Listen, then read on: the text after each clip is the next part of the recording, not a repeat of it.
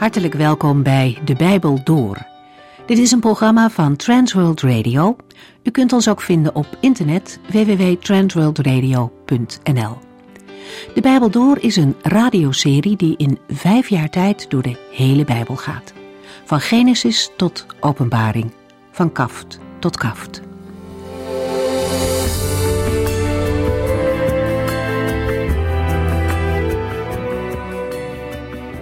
In Openbaring hoofdstuk 18 begint een nieuw visioen. Het gaat over de val van Babylon.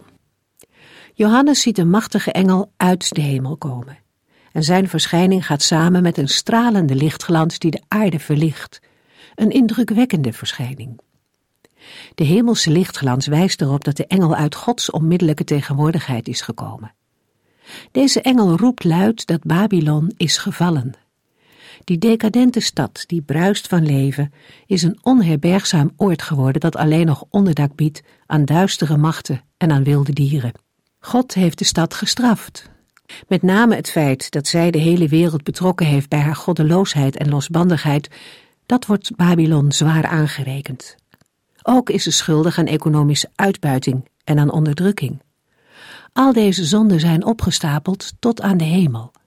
Het is God niet ontgaan. Hij heeft het gezien en als de maat vol is, oordeelt hij. Babylon, het anti-goddelijke machtsblok uit de eindtijd, zal vallen. Het oordeel is aanstaande en daarom worden de gelovigen opgeroepen om weg te vluchten uit Babylon, om niet getroffen te worden. De val van Babylon heeft een groot effect op de mensen. Koningen, handelaren, zeelieden, zij treuren over de ondergang van de stad maar hun ach komt vooral voort uit eigen belang. De verwoesting van de stad heeft namelijk ernstige gevolgen voor de financiële wereld, voor de handel en de inkomsten die zijn verdwenen. Onverwacht klinkt er ook een ander geluid. Wees blij over haar. De hemel en iedereen die bij God hoort, wordt opgeroepen om blij te zijn over de val van Babylon.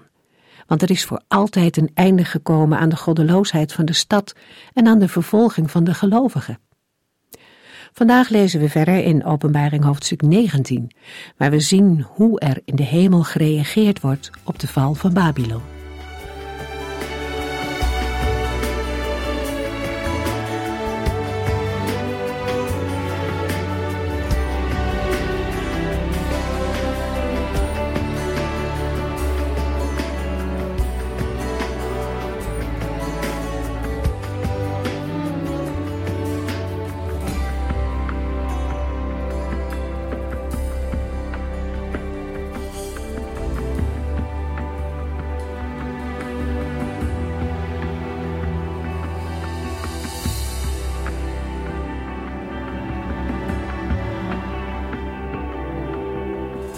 Overwinning op Babylon, die in Openbaring 18 werd beschreven, wordt in Openbaring 19 achtereenvolgens bezongen door een grote menigte in de hemel. De 24 ouderlingen en de vier dieren, en een stem vanaf de troon. Deze lofliederen staan in scherp contrast met de klaagzangen die in Openbaring 18 over de val van Babylon werden aangeheven. Bij de grote menigte in de hemel moeten we waarschijnlijk denken aan de engelen en of aan de ontelbare menigte mensen uit Openbaring 7 vers 9. Letterlijk staat er in het Grieks een grote menigte, enkelvoud, die zeiden meervoud. In een deel van de Griekse handschriften is dit verschil in enkelvoud en meervoud gecorrigeerd. In het Grieks lezen we in Openbaring 19, vers 1: En na deze dingen hoorde ik als een stem van een grote menigte in de hemel, zeggende: Halleluja! De behoudenis en de heerlijkheid en de eer en de kracht is aan de Heere onze God. Net als de woorden Amen, Hosanna, Maranatha en Abba werd het uit het Hebreeuws afkomstige woord Halleluja vaak onvertaald vanuit het Hebreeuws of Grieks overgenomen. Het woord Halleluja is oorspronkelijk een Hebreeuws leenwoord met de betekenis van prijs de Heere of loof God. Het woord werd oorspronkelijk gebruikt in de Joodse liturgie. Later werd het door de christenen overgenomen. Het woord kwam en komt nog steeds in de Joodse en christelijke erediensten voor. Ook in onze taal wordt het woord onvertaald en ongewijzigd gebruikt.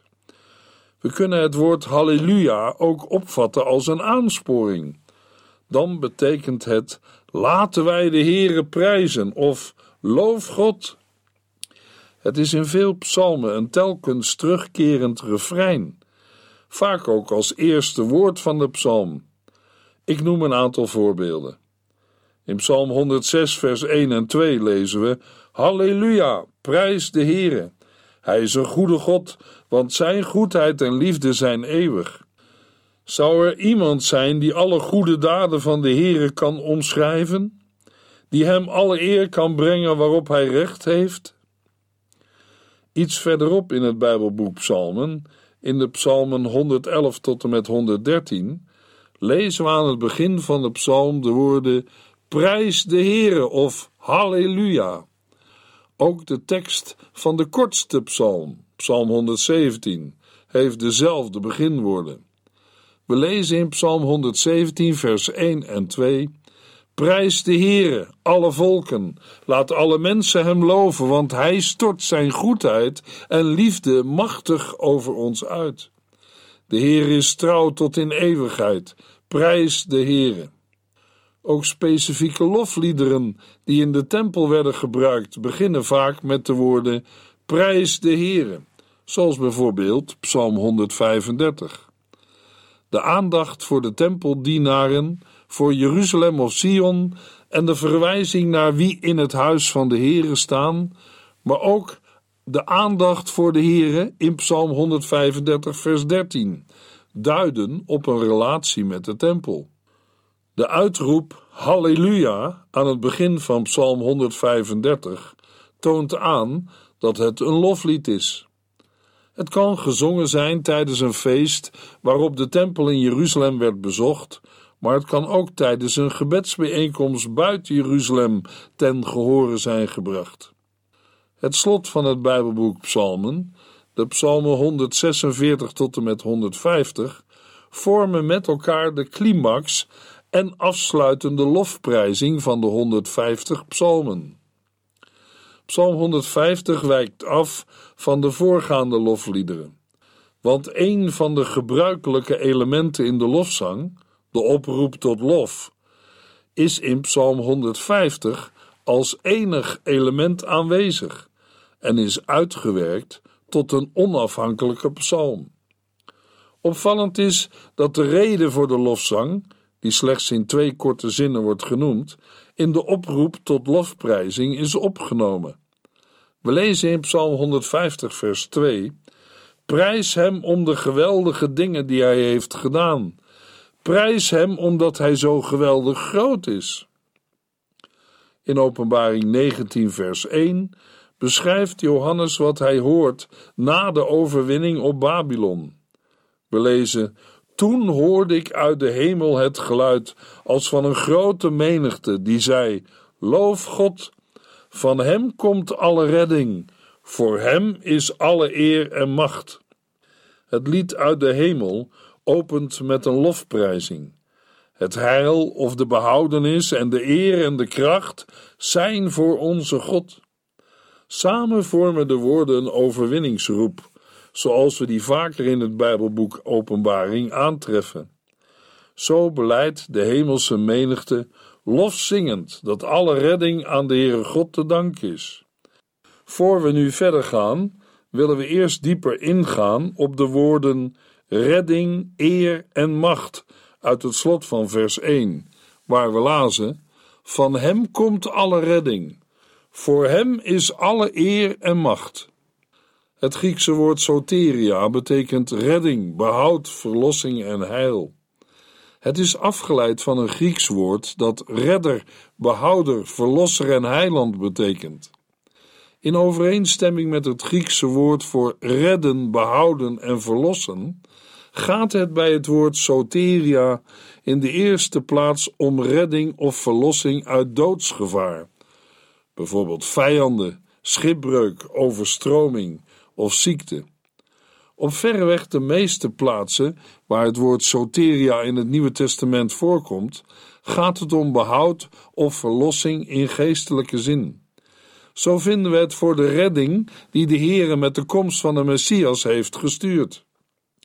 In het verlengde daarvan gaat het om de redding van de geestelijke ondergang, ook wel aangeduid als eeuwige redding. Redding is het tegenovergestelde van verderf of verlorenheid, dood en toren. De verlossing die Christus geeft, wordt op sommige plaatsen in de Bijbel beschreven als iets dat al in het heden ontvangen wordt, en wel op grond van de naam van Christus. Het evangelie kan ook omschreven worden als het goede nieuws dat uw redding is. Het woord van dit heil, dat wil zeggen het nieuws dat er redding is, en de boodschap hoe u gered kunt worden. In dit verband lezen we ook over de dag van de redding, dat wil zeggen de dag waarop de verlossing zich openbaart. Maar op andere plaatsen in de Bijbel blijkt dat deze verlossing pas in de toekomst ten volle wordt ervaren. Dat het een van de zegeningen is die in verband staat met de wederkomst van Christus. In die zin lezen we over de hoop op het heil, het verwachten van het heil, over het meer of minder dichterbij zijn van onze redding of bevrijding, en over een nog toekomstig beërven van de verlossing.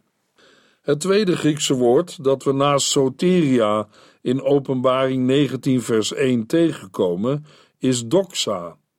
Het zelfstandig naamwoord doxa betekent in het Nieuwe Testament 1 glans, luister of heerlijkheid en 2 eer.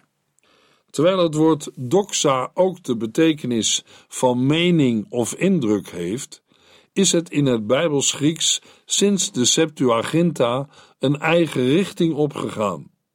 In het Oude Testament is het meestal de vertaling van een Hebreeuws woord dat zowel de gewichtigheid van een mens aanduidt als ook de heerlijkheid van de Heere God. Daarbij valt wel op dat het Griekse woord de indruk van glans en licht meedraagt. Een indruk die bij het Hebreeuwse woord ontbreekt. Het Griekse woord doxa wordt een aantal keren gebruikt voor de aardse heerlijkheid of pracht van de mens, speciaal van koningen en koninkrijken. Maar voor alles is doxa de aanduiding voor de hemelse glans en majesteit van God. Soms kunnen mensen de machtige werking ervan met het oog zien. In die heerlijkheid deelde Christus voor zijn menswording. En door een bijzondere openbaring werd deze zichtbaar bij de verheerlijking op de berg. In die heerlijkheid is Christus opnieuw ingegaan door zijn lijden en opstanding. En in die heerlijkheid die hij samen met de Vader heeft, zal hij wederkomen. Zoals bij de verheerlijking op de berg Mozes en Elia in de goddelijke heerlijkheid van Christus deelden, krijgen ook de gelovigen daar deel aan. In een aantal teksten gaat het om het aanzien dat iemand geniet, de eer die hem verschuldigd is, het zij God, het zij Christus, het zij een mens. Als derde en laatste woord lazen we in Openbaring 19, vers 1 het Griekse woord dynamis, wat macht, vermogen of kracht betekent.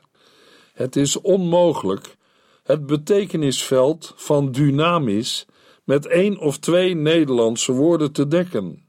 Uitgaande van het Nederlandse woord kracht kunnen we een beter begrip van het Griekse woord krijgen. Als een Griek het had over de dynamis van iets of iemand, bedoelde hij het vermogen, dat wil zeggen, de kracht die iemand of iets in zich had om iets te doen. Direct moet hierbij bedacht worden dat deze kracht soms nogal concreet wordt voorgesteld. In dit licht worden ook bepaalde passages waarin het gaat over kracht die van Jezus uitgaat begrijpelijker. Als er wordt gesproken over de kracht van een woord of klank, wordt er gedacht aan het vermogen van dat woord of die klank om een bepaalde boodschap over te brengen. Er wordt dan ook wel vertaald met betekenis. In bepaalde contexten verschuift de betekenis naar wat er uiteindelijk door de kracht tot stand wordt gebracht, bijvoorbeeld het doen van wonderen. Op weer andere plaatsen krijgen we de indruk dat dynamis als het ware een persoon wordt. Er wordt dan niet meer aan de kracht als zodanig gedacht, maar aan een persoon of instantie als vertegenwoordiger van een bepaalde macht of kracht.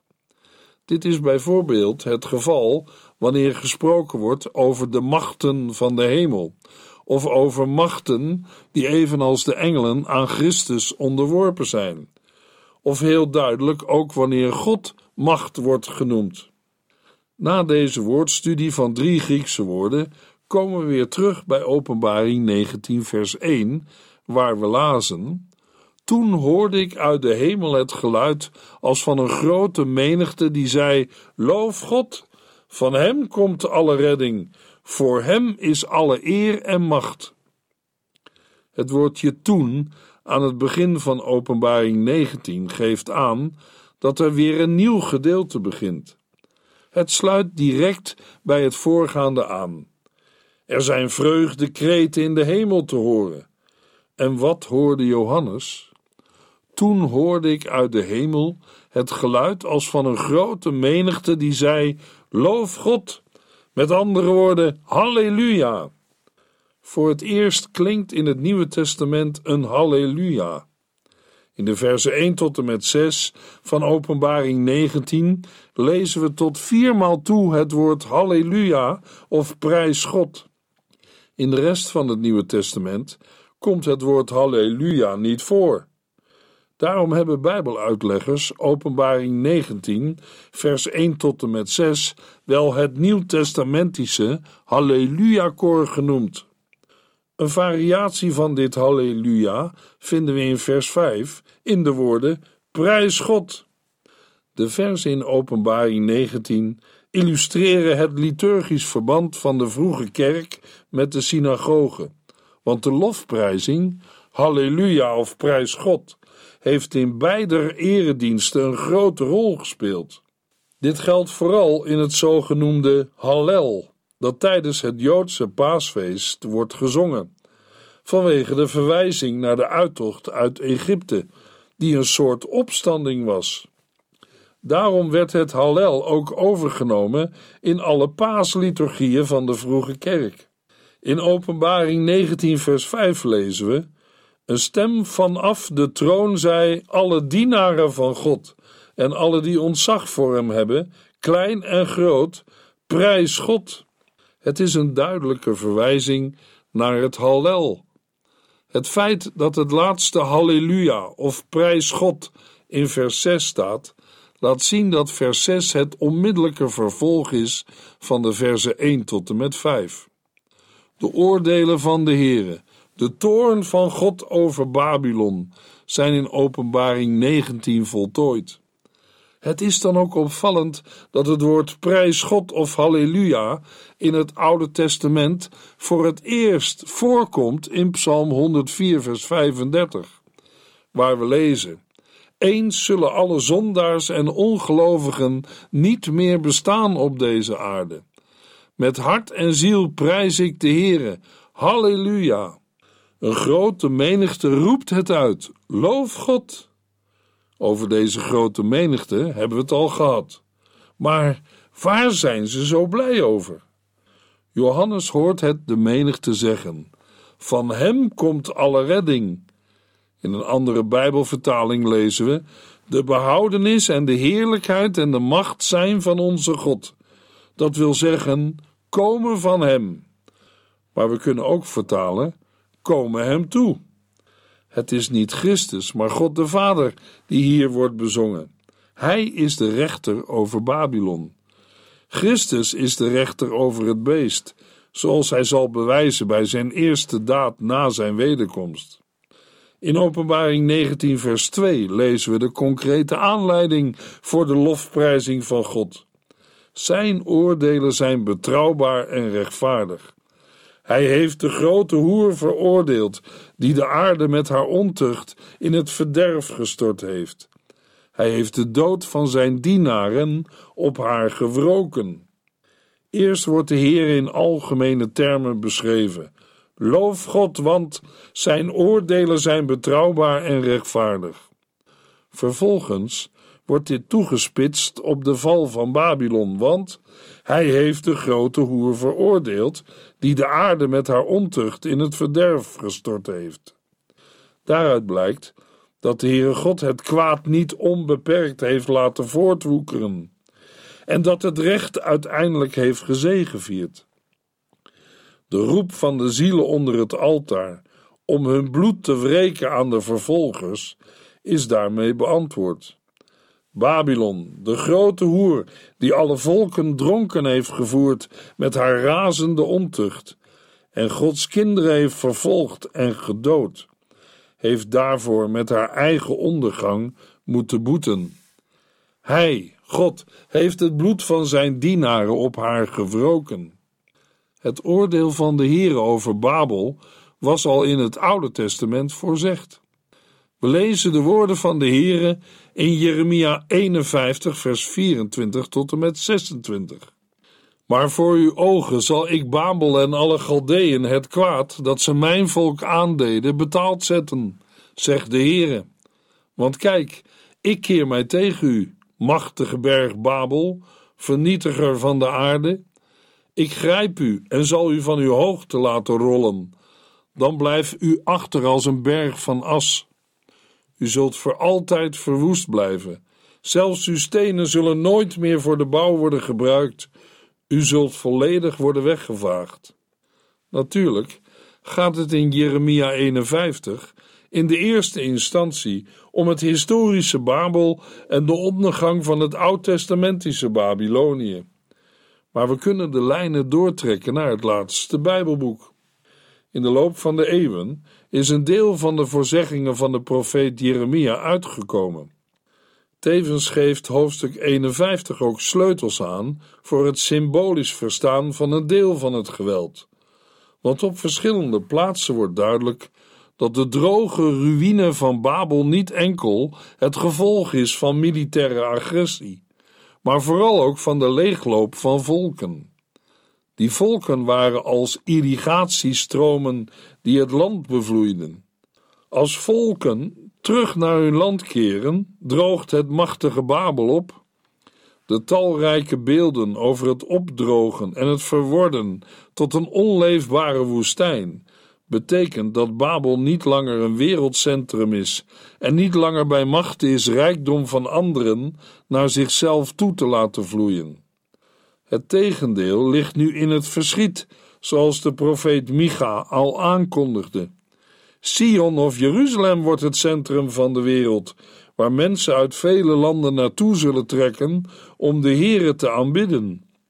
Diverse uitdrukkingen in het Bijbelboek Jeremia wijzen in de richting van een eschatologische toekomst, zoals het eeuwige verbond waarover we lezen in Jeremia 50 vers 5 en de vergeving van de schuld van Israël en Juda in Jeremia 50 vers 20.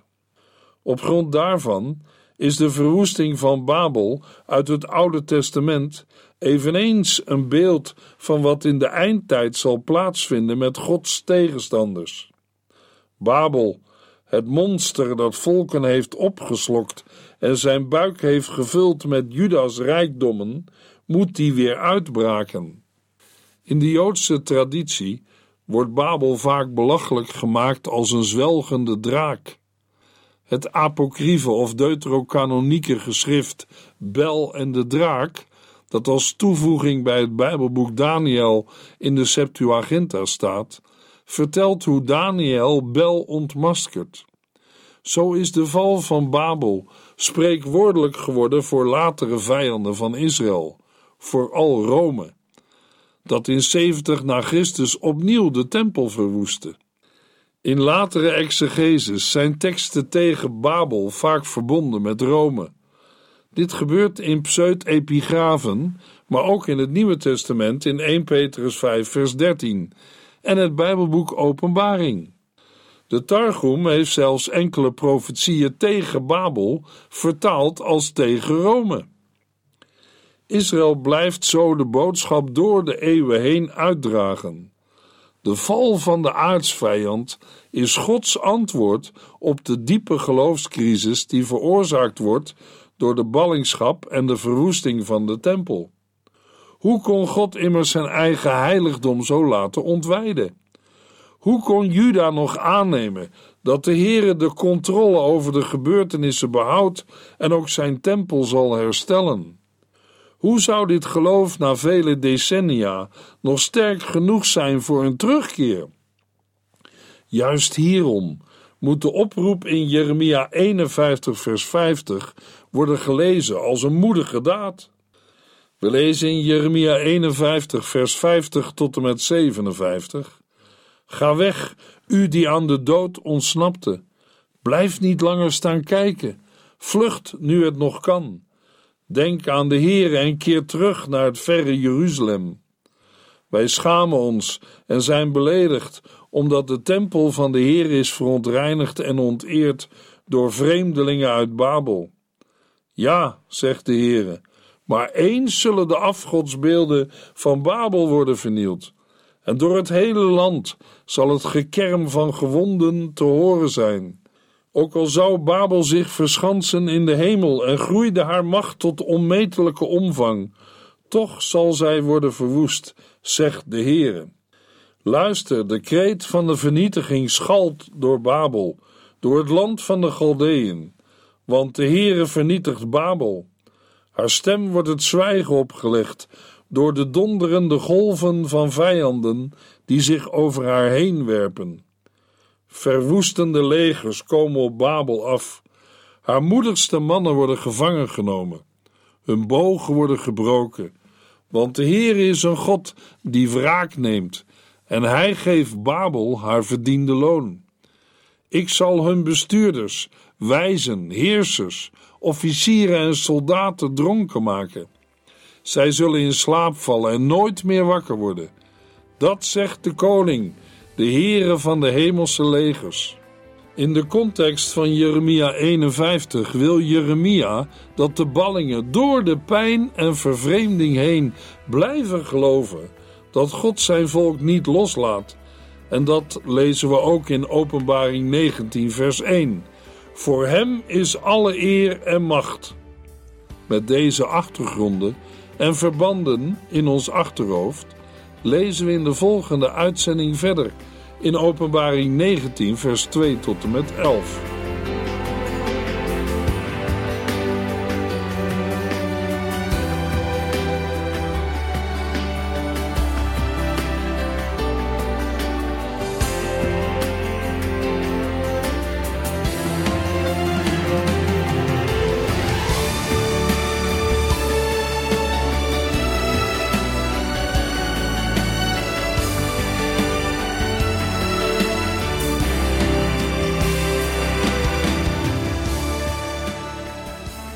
Sinds kort kunt u een USB-stick bestellen met alle uitzendingen en de teksten van de Bijbel door. Ons adres volgt in de afkondiging. En hier eindigt deze aflevering van De Bijbel Door. Een serie programma's van Transworld Radio. Wilt u ons iets vragen of meer weten? Dan kunt u altijd contact met ons opnemen. Bellen kan overdag met 0342 478432. Per post Transworld Radio, postbus 371, postcode 3770, Anton Johannes in Barneveld. En e-mailen kan ook. De Bijbel door at transworldradio.nl En natuurlijk ook via onze website transworldradio.nl Dit programma werd gepresenteerd door Cor Weda en Ike André. En namens iedereen die er nog meer aan meegewerkt heeft, graag tot de volgende keer.